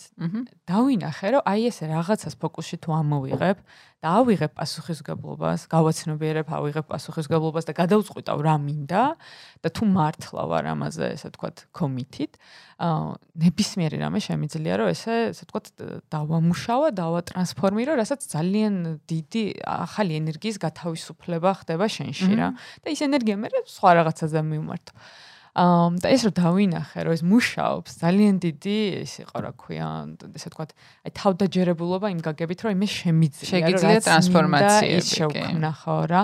და ეხა წელს მაგალითად რაღაც ახალი მიზანი მაქვს რომ მინდა რომ ჩემი ესე ვთქვათ ყოფნა და ის ექსპერიენსი რაც სამუშაო გარემოში მაქვს ჩემს პროფესიაში საქმეში მინდა რომ ეხა ეგ დავატრანსფორმირო ეცაღანასაც საუბრობდი ძალიან დიდწილად ვარ მაინც ამ არაცნობიერ რაღაცა მიზნებში და ქცევებში და მინდა რომ აქედან ნელ-ნელა გამოვიდა და უფრო მეტი რაღაცა გემოჩავატანო იმას, რასაც ვაკეთებ. აა, ამიტომ ეკო რომელიც ძველი ვერსია იყო. ძველი ვერსია იყო, შემიძლია ვთქვა, რომ იჯდა მანქანაში უკან და ახლა გადმოშთა წინ. კი, კი. ალბათ კიდე რაღაც კი, მე ბოლოს საჭესთან დაждდება და მეც ნუ მე თვით ფრინავს მართავს და მე რამე კოსმოსურ ხომალს და შემდეგ. აა ну მეც რაღაცა რას თქვა ეკომ ყოველფერს ვეთანხმები რომ რაღაც შეგძნება რომ ჩემი ცხოვრება ხელში მიჭირავს. ძალიან ხშირად მე მეგონა ადრე რომ რაღაც აი რაღაცა გაცნობიერებით საკუთარ თავზე მუშაობ და და რაც ცხოვრება იქნებოდა სუფერად სულ რაღაც ლაღი და სუჭი ჩიტების ჭიკჭიკი და ასე შემდეგ ეგ არ არის, მაგრამ რაც არის, ვიცი რომ ცოცხალი ვარ რა, ეს არ ვიცი ამას რა დავარქვა, ძალიან ძლიერი შეგრძნება რომ ცოცხალი ხარ. ალბათ აი როცა გძნობ რო ქმნი, მაგ დროს მოდის ეგ შეგრძნება. რა თქმა უნდა, ყოველთვის არ არის ამ ისევ და ისევ თითოეულ მომენტში ხარ ქმნი, ხან ვარ ქმნი და ასე შემდეგ. ხო, ну, თავისი ups and down-ებით ცხოვრება, ხა გარდაუვალი რამე არის. აა, მაგრამ რაღაც ეს შინაგანი ცენტრი რაზეც დგავარ ძალიან გაძლიერდა ეს ცენტრი რომ რომელშიც ვიცი ვინ ვარ კიდე ეგეც იმიტომ რომ რაღაც ძალიან ფილოსოფიური მithქონდა თავი გაჯერებული იმასთან დაკავშირებით თუ ვინ ვარ და საერთოდ არანაირად არ წარმოადგენდა ეს ყოფილი რეალობას იმიტომ რომ რაღაცებს წავიკითხე და დავიჯერე რომ ო რაღაცა ესეთი და ესეთი და ამ თეორიებში აჭრილი ვინ ვინ არის შენი ჭეშმარიტი ჭეშმარიტი მის გამოკვლევაში მაგრამ აი ანანო თომაშვილი ამ გამოვლინებაში ამ რეალობაში ვინ არის რა სტორი აქვს და როგორ ფუნქციონირებს ბევრად ცხადია ვიდრე მანამდე იყო. და აღმოჩნდა ძალიან მარტივად არის საქმე არც ისეთი კომპლექსური არსება არ ყოფილა როგორც ჩემი თავი წარმომედგინა. და მოგეშვა ერთი დიდი საფიქრალი ხაცა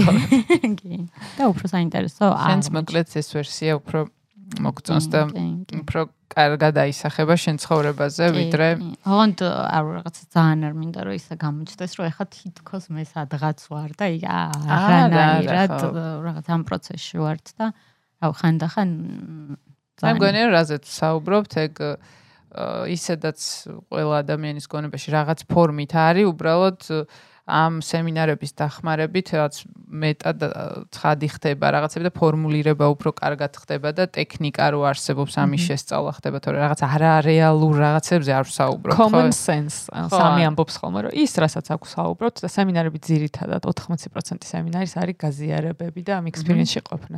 თეორიული ნაწილი რაღაც იდეები არის დაახლოებით 15-20% და ამ ყველაფერს რო აზიარებ და აი ძალიან თვითონ მეთოდოლოგიაც ეგრე გაჩნდა რა რომ იქ რაღაც თეორიებზე არ დაუწყიათ რა საუბარი ანუ იყო რომ აი ახლა დღეს დილით რო ვიღვიძებ და რომ მგონია 20 წუთში უნდა მოვკვდე ანუ კლერის ფრაზები ანუ აი აქედან როგორ გამოვიდე რა?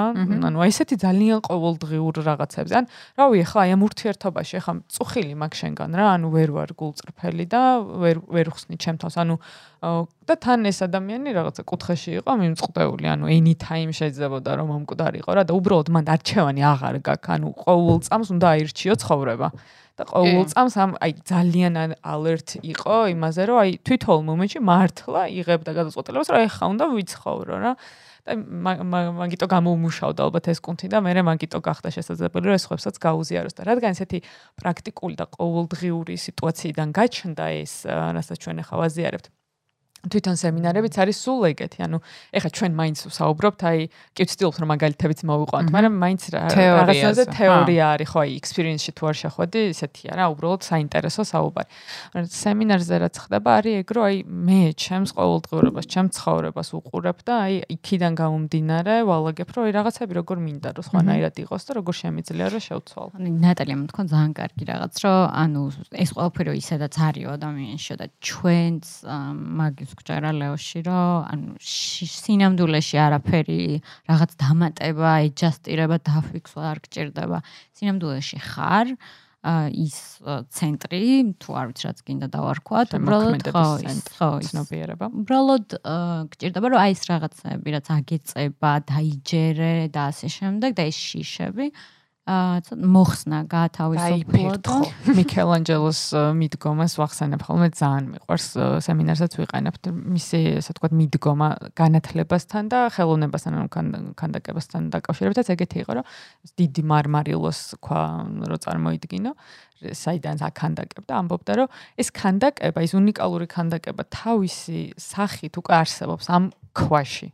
ერთადერთი ჩემი როლი ახლა არის რომ ეს ამ კანდაკებას მოვაშორო ისეთ მეტი ქვები, რაც გარშემო აქვს. და აი მართლა რასაც ანანუ ამბობდა, რომ თითოეულ ჩვენგანში არის ეს რაღაც შემოქმედების ცენტრი, ცნობიერება, ის რაღაც უნიკალური ნიჭები, ტალანტები, ენერგია, უბრალოდ სხვადასხვა გამოცდილებიდან და ჩვენი არაცნობიერი მექანიზმიდან გამომდინარე, რაღაც ქვები ზემოდან გვაქვს აწეპებული რა, რაც არის ხან ფიქრები, არაპროდუქტიული ფიქრები, ქცევები. და ის რასაც რაშიც ხელოვნდებით ამ self mastery-ში არის რომ როგორ მოვიშორო ეს რაღაცები რომ რაღაცა კი არ დავფიქსო ან რაღაც უკეთესი კი არ გავხდე უკეთესი ვერსია ან რაღაცის დევნაში კი არ ვიყო. უბრალოდ აი მოვიშორო რა ზედმეტია და ის ის იყოს რაც არის იმიტომ რომ ის რაც არის არის სრულყოფილი მნიშვნელოვანი ხო. ბოლო სტეპთან მივედით. და აირჩიეთ რომელი მოყვებით აბა ბოლო საფეხური რა არის და რა ხდება იმიტომ რომ რაც ბოლო საფეხური ისე ჟღერს რომ აი ხა აქ უნდა გადაწყდეს უკვე. დიდი საკითხი. აა ხო და იმის იქით აღარაფერი აღარ არის ხო თქვით რომ არის ეს რაღაც გაცნობიერების ეტაპი არის მე ამ შემოქმედებაზე ასე ვთქვათ რეალობაზე პასუხისგებლობის აღება შინაგანი ეს აქტი მე რე არის რომ ოკეი ეს თუ მე შევქმენი ახლა რა მინდა რომ ამის ნაცვლად შევქმნა? ანუ არჩევანი და მესამე არის რომ ეხლა როგორ ვქმნი ამას რა ანუ რაღაც გადაწყვეტილება მიღებული მაქვს. ამ ჩვენს მეთოდოლოგიაში ერთ-ერთი ძალიან ბევრი ინსტრუმენტია, მაგრამ ნუ ერთ-ერთი ყველაზე ძირეული არის, რასაც ვეძახით commitments, ანუ პირობა, პირობის დადება. და იდეაში კლერის ისტორიაც ეგრე დაიწყო, რომ ერთ-ერთ სემინარზე, მაშინ როცა რაღაცა ძალიან აქტიური პერიოდი ქონდა სიმსინოსთან ბრძოლის იყო, რომ ეს ძალიან აიძულეს, რომ მოდი დადე ხა პირობა, რომ გამოჯამრთელდები. და მას ისე ისე ჯეროდა იმის რომ აა მოკვდებოდა და ისე ჯეროდა იმ დიაგნოზის რაც იყო რომ ანუ რას მეუბნები ანუ როგორ თქვა ანუ გამონი ვერ შევასრულებ მაგ პირობას და ეგ პირობა როგორ დავდო და მე რაღაცა მკითხა რომ ანუ პირობის ვერ შესრულება უფრო მტკივნეულია შენთვის თუ ის რომ მოკვდები? ხო და აი მანდ გაჩნდა ბზარი. მ და სამი ამბობს რომ აი მაქედან დაიწყო რაღაც რაღაც ხვანაირი პროცესები. დადო პირობა. აა არა შედეგზე იმაზე რომ აი მე კარგად ვიქნები არა დადო პირობა იმაზე რომ ხო და ცოტა ისეთი სიტყვა არის რომ აი თვითოულ მომენტში ვიქნები ამ მიზანთან. თვითოულ მომენტში გავაკეთებ ჩემს მაქსიმუმს რომ გამოვჯამრთელდე და ეს თვითოულ მომენტში სხვადასხვა პასუხი მოდის ამ მაგაზე ერთ მომენტში პასუხი შეიძლება ყოფილიყო აა ისე რომ მის მაგალითზე რო არ ვილაპარაკო მაგათაც ჩემი ესე ვთქვათ პირობა ჩემი თავისთვის რაც მაგდადებული არის რომ ამ წლის განმავლობაში ყოველ დღე სამსახურში გავაკეთებ ჩემს მაქსიმუმს იმისთვის რომ ვისწავლო როგორ გამოვიდე ამ ავტომატური ქცევებიდან და მქონდეს მეტი ესე ვთქვათ ენერგია და უფრო გაცნობიერებული ვიყო სამუშაო პროცესში რა ესე რაღაც უხეშად რომ დავაფორმულირო ეს. და თვითონ მომენტში ამაზე პასუხი არის სხვადასხვა ანუ ხან ჩემი თავი მეუბნება რომ აი ახლა იყო მაგის კეთება შეგიძლია იმით რომ აი ახლა ნატალიასთან და ანანოსთან იყო და მოусმინო. აა და ხანდახან როცა იგრძნობ რომ რაღაც გაგსათქმელი შენს გააზიარო, არ იყო ამ არაცნობიერ ქცევაში რომ აი ხა მე უნდა ვთქო ყველაფერი ან ყველაზე საინტერესო რაღაცები უნდა ვილაპარაკო, ხო? იმიტომ რომ ანუ ჩვენი არაცნობიერი გონება მანდ გვეკაჩება ხოლმე. მე პირადად მაქვს ეგ რომ ეს რაღაცა არ დააცალოს ხო? და მე მაქედან მოდის რომ არაც დიეჩრები ხელს იწევა თქმევინათ ყურადღებას უპარდა. აქ ვარ, აქ ვარ. აქ ვარ. ხო ეს მარტივი მაგალითი. მაგრამ ხანდახან შეიძლება შეიძლება იყოს უბრალოდ ის რომ მოდი დღეს ნუწახვალ სამსახურში. კი. შეიძლება როგეც იყოს პატარა. ხო, აი ეგ შმაკები რო გიტევს ხოლმე რომ მოდი დღეს სამსახურში არ წახვიდე, მოდი დღეს სავარჯიშოთ არ წახვიდე და ხო, მაგრამ ეხა ეს უფრო რა კონტექსტში ვთქვი, იცი რომ ანუ მე თუ ვარ ჩემს მიზანთან, რომ მე მინდა დავატრანსფორმირო ჩემი ყოფნა სამუშაო გარემოში. პირიქით პოზიტიურ კონტექსტში. პოზიტიურ კონტექსტში ახსენე რომ მართლა გულწრფელად შეგნით რომ ჩავიხარ და შეიძლება იყოს იქ პასუხი რომ მოდი დღეს აა ნუ წახვალ. რაღაც სხვა გააკეთე. მოდი დღეს ამას ესე ნუ გააკეთებ. ან რაღაც პროექტზე მუშაობ. ბევრი რამე. ბევრი რამე და აი მაგიტოა შემოქმედებითი და ცოცხალი პროცესი რა რომ ავტომატურ ქცევაში არ ხარ რა.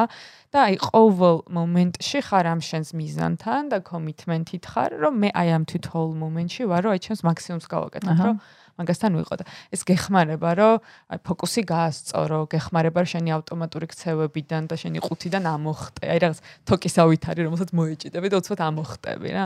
ამიტომ პირობის დადებას ძალიან ისე დიდი ძალა აქვს რა ხო, ანუ ერთი იმას ავამატებ, ეხა შენ რო ლაპარაკობდი, უცებ ისედაც ბევრჯერ მეფიქრი ამ მაგაზე, მაგრამ კიდე რაღაც მომინდა, რომ ხაზი გამესვარ, ჩემთვის არის self mastery, აი კი ძალიან რაღაც ბევრ თულებს ისწავლი ლეოში და რაღაც ნუ ლეოს გარეთაც უამრავი რაღაც სხვადასხვა პრაქტიკა არსებობს და ასე შემდეგ, მაგრამ საბოლოო ჯამში ჩემთვის მართლა self mastery დაიწყო მაშინ როცა მე თვითონ დავიწყე რაღაცების და აი ჩემზე რა მუშაობს რა რაღაც ჩემ ჩემი რაღაცეების პოვნა. აა ესე ესე მიუდგე ჩემ თავს თუ ესე მიუდგე თუ ესე დაველაპარაკო თუ როგორ გავაკეთო ანუ ძალიან შემოქმედებითი პროცესი აღმოჩნდა სინამდვილეში კი კარგია თულები, სანამ შენ თვითონ გაგივარჯიშდება ეს კონტი, მაგრამ მე ძალიან საინტერესო არის პროცესი, როცა იწყებ უკვე შენ თვითონ რაღაცების ინჯოს, ეს მუშაობს შენზე, ეს ნაკლებად მუშაობს და აი ექსპერიმენტებ როგორ შენზე უკეთ მართლა არავინ არის, ხო? აი ეს და მათ შორის ეს პირობის დადებაც ერთ-ერთი არის უბრალოდ რა, რაც აი ახლა ჩვენ ამ ისტორიიდან გამომდინარე ვთქვით და ჩვენ თვითონაც რაც დაგვიპრაქტიკებია თორე კიდევ რამდენი საშუალება არის იმისთვის, რომ როცა გაგ რაღაც ვიჟენი, ან თვითონ მომენტში იცი რა გინდა, ანუ მაგისთვის, ანუ როგორ შექმნა ის რაც გინდა რა. პირობის დადება ერთ-ერთი არის უბრალოდ და და მე თვითონაც აი რაღაც ხანდახან აი გაუცნობიერებლადაც კი, აი უბრალოდ რაღაც მიზანთან რო ხარ და რო იცი რომ აი ეს მინდა, ზოგჯერ თავისითაც კი ხდება რა, ეს მეტი ინსტრუმენტების და თულების რაღაცების გარეშე. როცა პირობას დებ მაინც უფრო რთული პროცესია, იმიტომ რომ სულ საკუთარი თავის რაღაც გამოწვევასავით არის ეგ და საკუთარ თავთან ჭიდილში ხარ, რომ პირობა არის ერთგვარი ბერკეტი, ხო, რაც რომ შენ არ არ გადაუხვიო გზას და აკეთო ის, რაც სწორია, ხო, რაც მიგიყვანს რა, ხო და აი შეიძლება არ გინდოდეს. ანუ შეიძლება ნახე როგორი კომპლექსური საკითხია, რომ შეიძლება მე მინდა რომ აა კარგი სხეული მქონდეს, თქვათ, ტონუსში მქონდეს, ეს მინდა. მაგრამ ის გზა, რაც მაგამდე მიმიყვანს, ხო, ის მეზარება. მაგრამ ის ხო გინდა რომ კარგი სხეული? ის მინდა, კი, თუმცა დილით ადგომა არ მინდა. ხო, კი, კი, კი. მაგრამ ამისთვის საჭიროა რომ დილით ავდგე და მე ეგრე ვიყენებ ხოლმე ამ ჩემს პირობებს საკუთარ თავთან.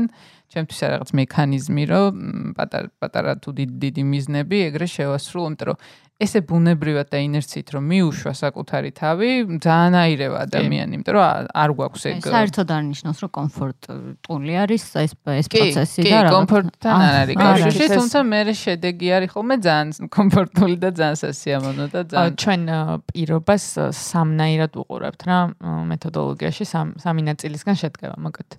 აა პირველი არის რომ ის რასაც ვიტყვი გავაკეთო. ანუ უბრალოდ accountability ხო სიტყვა სიტყვა რა ანუ რო ვთქვი უნდა გავაკეთო. მეორე არის რომ ეს რაც მინდა საიდან მოდის? ანუ აი ეს რო აი კარგი შეეული მინდა მქონდეს. აი ხა მაგალითად ჩემი ჩემი ესეთი მაგალითი დავიჭირა ჩემი თავი რო ძალიან შოპ ანუ როგორ თქვა შოპაჰოლიკი ვარ. როგორ ნუ არა იმ იმ გაგებით რო ხა მიდიოარ და გიჟივით რაღაც დასაცმელებს ყვიდო. არამედ აი ზოგადად მიდრეკილება მაქვს რო ფულ ესე თქვა ფული არ დავზოგო და ხარჯო. აა და დავინახე საიდან მოდეს, იმიტომ რომ რაღაცა ხო ის ჩვენი 90-იანებიდან იმიდან ამიდან რაღაც დაჯერება მაქვს, რომ თუ ფულს ესე თქვა ზოგავ აა და თუ შენ თავს არ აძლევ საშუალებას, რომ იმ მომენტში რაც მოდის ინსტინქტურად ის დაიკმაყოფილო, აა კატასტროფა, ანუ უბედური ხარ, დეპრესია, ძალიან ცხოვრებას. ხო, რაღაც ძალიან ბევრ ისეთ ცუდ ექსპერიენსთან მიკავშირდება რა და ამიტომ როცა მაგ ხოლმე თანხა, ჩემი თანხები სულ აი ეს აი სულ აი სისულელებში კაც აი მაღაზიაში რო შევა, შეიძლება აი რა ვიცი, რაღაც იდიოტური ის ვიყიდო ბოსტონეული, რომელსაც არა 100 წელიან გავაკეთებ, ან არა გავაკეთებ. და ანუ აი ხა ამას რა შედეგი აქვს ჩემს ცხოვრებაზე რა, რომ მიჭირს დიდი შენაძენების გაკეთება, იმიტომ რომ როცა ფული მაქვს, სულ მეხარჯება. აა მე რაღაცა თვით განსჯაც მოდის ხოლმე, რომ ანუ რით ვერ გაიზარდე, ანუ რით ან ფინანსურად, ან პროფესიულად, ან მენტალურად, რომ ანუ ეგრე არისო რა, ანუ ძალიან გულწრფელ რაღაცას ვაზიარებ ახლა. ჩემ გვერდს გაუხარდება ეს აღიარება, რომ მოისმენს. აა და ეს როგორც კი დავაფიქსირე, ეგრევე თქვი რომ მეთქი ეს უნდა შევცვალო.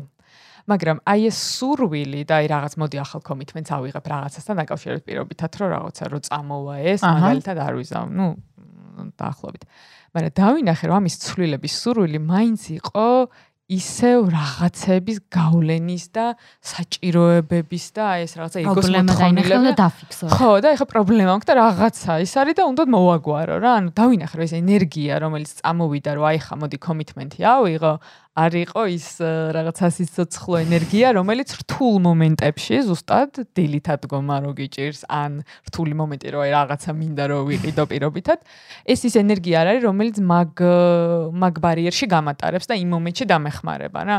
და მე ჩემ თავს მივიცი დრო რომ მოდი ცოტა ხანი დააკვირდი რა. შოპინგი. აა ხო, შეიძლება შოპინგი. აა დააკვირდი და გადაწყვეტა რომ აი რაღაცა, ანუ ეხა ჩემ თავს უთხარი რომ აი რაღაცა პროცესში ვარ ვიპოვო აი რა უნდა იყოს ის მიზანი, რომელიც აი ამ ენერგიას მომცემს რა. და მე სამე რაც არის არის რომ პროცესში აა სათხარ რა, ანუ როგორ აკეთებ ამ ყველაფერს, ანუ აა აკეთებ, როცა უკვე მიზანი გაქვს, რომ თითოეულ მომენტში რომ ვაიმე ეს უნდა გავაკეთო, იმიტომ რომ ეს უნდა შევცვალო, თუ თვითონ მომენტში ახერხებ, რომ აქედან გამოხვიდე და დაუკავშირდე ისევ მიზანს და იმან რაღაც ენერგია მოქცეს, ანუ პროცესში ხარ, present ხარ და ამ პროცესითაც ნამონებას იღებ თუ ხარ რაღაცა მიზანზე მიჯაჭული და ეხა უკვე ამ მიზნის ახალი მსხვერპლი, ანუ აა სემძეში ყველაფერი ძალიან მარტივად არის რა. უბრალოდ უბრალოდ მართლა აი კუნთის გამომშავება უნდა და რაღაც შიგნით ჩახედვა და ყურება, რომ აი უბრალოდ ჩემ შემთხვევაში რა მუშაობს და რა არ მუშაობს. კი, და აი ეს რაც თქვი, რომ მართლა რა გინდა, მართლა გინდა თუ არა ეგ ძალიან საინტერესო პროცესი არის რა, იმიტომ რომ ზოგჯერ გონია რაღაც გვინდა, ან მართლა გვინდა, ოღონდ არაჯანსაღი რაღაცის გამო გვინდა რა. აი მე მაგალითად ეხა რომ ამბობ რომ მინდა რომ უფრო მეტი შემოსავლი კი არა, როგორ თქვა, უფრო მოწესრიგებული მხარჯველი ვიყო. ანუ აი გონებას უნდა რა. იმიტომ რომ თვის ბოლოს მე self judgment-ი არ ქონდეს. ხო, მაგრამ ანუ სინამდვილეში ჯერ მე მგონი მაგის მზაობა არ მაქვს რომ რაღაცებზე უარი თქვა. Coldplay სიმღერაში არის ერთი ეგეთი ფრაგმენტი, რომ when you get what you want but not what you need.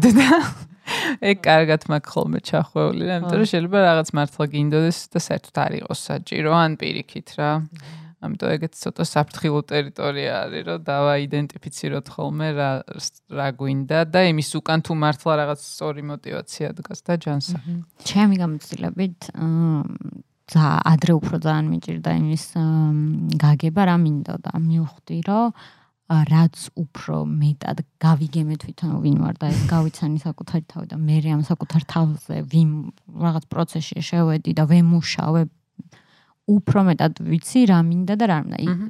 კი. სანამ მოკლედ ძალიან დიდი წვლილი ჩემი აზრით ამ ყველაფერში არის ხოლმე აი სკილი რა რომ ამბობდი რომ ეს სკილი ხო არ არის რამე საჭირო თქო მგონია რომ მაინც აი ეს დაკვირვების აი ობზერვერი რო ხარ რა აი კარგად რო აკვირდები შენს შეგრძნებებს ემოციებს მოქმედებებს ფიქრებს რა ეს ძალიან მნიშვნელოვანი არის ხოლმე რომ რა თქმა უნდა სრულად ვერ აღმოფხრით რაღაცებს და აცები გაგვეპარება ხოლმე და სრულად ალბათ არც არის საჭირო რომ მაშინ რა თქმა ეს ილუზია რომ რაღაც იმიტომ რომ ეს სისტემა რაც თომოთ არაცნობიერი სულ იქნება სულ იქნება ხო მაგას ვერ დავჩეკრებ ვარ და მე მგონი კარგიც არის რომ ეს მაგას ხო რა თქმა უნდა იმიტომ ვართ ცოცხლები რომ ეგ თვითგადარჩენის მექანიზმი იდეალურია იდეალურია კი შეუცვლელი. შეუცვლელი კი მაგრამ ის რომ რაღაც ეს ძირითად საკითხებში კარგად გამოვერკვეთ და არ ვიყოთ ნიღბებით სავსე და არ თქვა თუ არი არაცნობიერად თუნდაც იმ რაღაცებს რაც მართლა გვინდა ალბათ მნიშვნელოვანი არის რომ კარგად დავაკვირდეთ ხოლმე ჩვენ თავს და ბევრი ვიკითხოთ, ბევრი მოვისმინოთ რა გვეხმარება იმაში რომ ეს ტექნიკები შევისწავლოთ. კი და ერთ დავამატებ რომ შევიდეთ ექსპერიენსებში. იმიტომ რომ როცა შენ შენ თავზე ამ ყოველფერს გამოცდი, აი მართლა მაშინ სწავლობს. წინ არაფერი არ უდგას თან, რა, თუ ნახავ რომ შენზე არ მუშაობს, სხვა რაღაცას. ესე იგი სხვა რაღაცა გჭირდება, ხო? სხვა სხვა პრობლემა გაქვს, ან სხვა მეთოდი გჭირდება, ხო? ამიტომ თავარი არის რომ არ მოვდუნდეთ და ვეცადოთ რაღაცებს რომ უკეთესად იყოს და ჩვენც უფრო საინტერესოდ საინტერესოდ ვიცხოვროთ. რა აი ჩემთვის ის კი არ არის ხოლმე ამ უსავალი წერტილი რომ რაღაც ბედნიერები გავხცეთ ყველა და რაც ეგ გონია რომ არ არსებობს რა მაგრამ ის რომ შენი ცხოვრება უფრო საინტერესო journey იყოს ხო? ჩემთვის ცოცხალი იყოს რა. ხო ცოცხო ნუ ეგეც თავის თავად მაგას გულისხმობს ბარი თუ არ და ვერ ვიგრძნობ ამ ცხოვრებას და ვერ შევიგრძნობ ხო ნუ ეგეთი არ გვინდა ალბათ არავის და რაც შეიძლება რომ საინტერესო იყოს ეს journey რა. და გრძელიც. ესეც რა თქმა უნდა სურვილი არის. ძალიან დიდი მადლობა ძალიან გაგვიგრძელდა როგორც მოსალოდნელი იყო და კიდე შეგვიძლია ალბათ ბევრი ვისაუბროთ მაგრამ რაღაც პატარა ლიმიტები არსებობს ამ პოდკასტების ფორმატში და ვიმედოვნებ რომ მომავალში კიდე შევხვდებით ერთმანეთს. ძალიან დიდი მადლობა, ძალიან საინტერესო და კარგად გავეშთე მე. კი, კი. ეგ თავარი არის, ეგ მე რომ მეკითხებიან ხოლმე რომ როგორი იყო აბა პოდკასტი რა ჩაწერის მერე და თუ გავერთე, ესე იგი კარგი იყო. კაი ინდიკატორი. ხო, ეგ ეგ არის ჩვენთვის თავარი ინდიკატორი რა, ალბათ ცხოვრებაში თუ თუ გაერთე. ძალიან მისიამოვნე მართლა ძალიან დიდი მადლობა კარგი კითხვებისთვის და ძალიან დიდი მადლობა თქვენს კარგი მოსაუბრეობისთვის და წარმატებები ყველგან მოკლედ და ყველაფერში. თქვენ უსმენთ საინტერესო პოდკასტს. პროექტის წარმოდგენია საქართველოს ბანკი.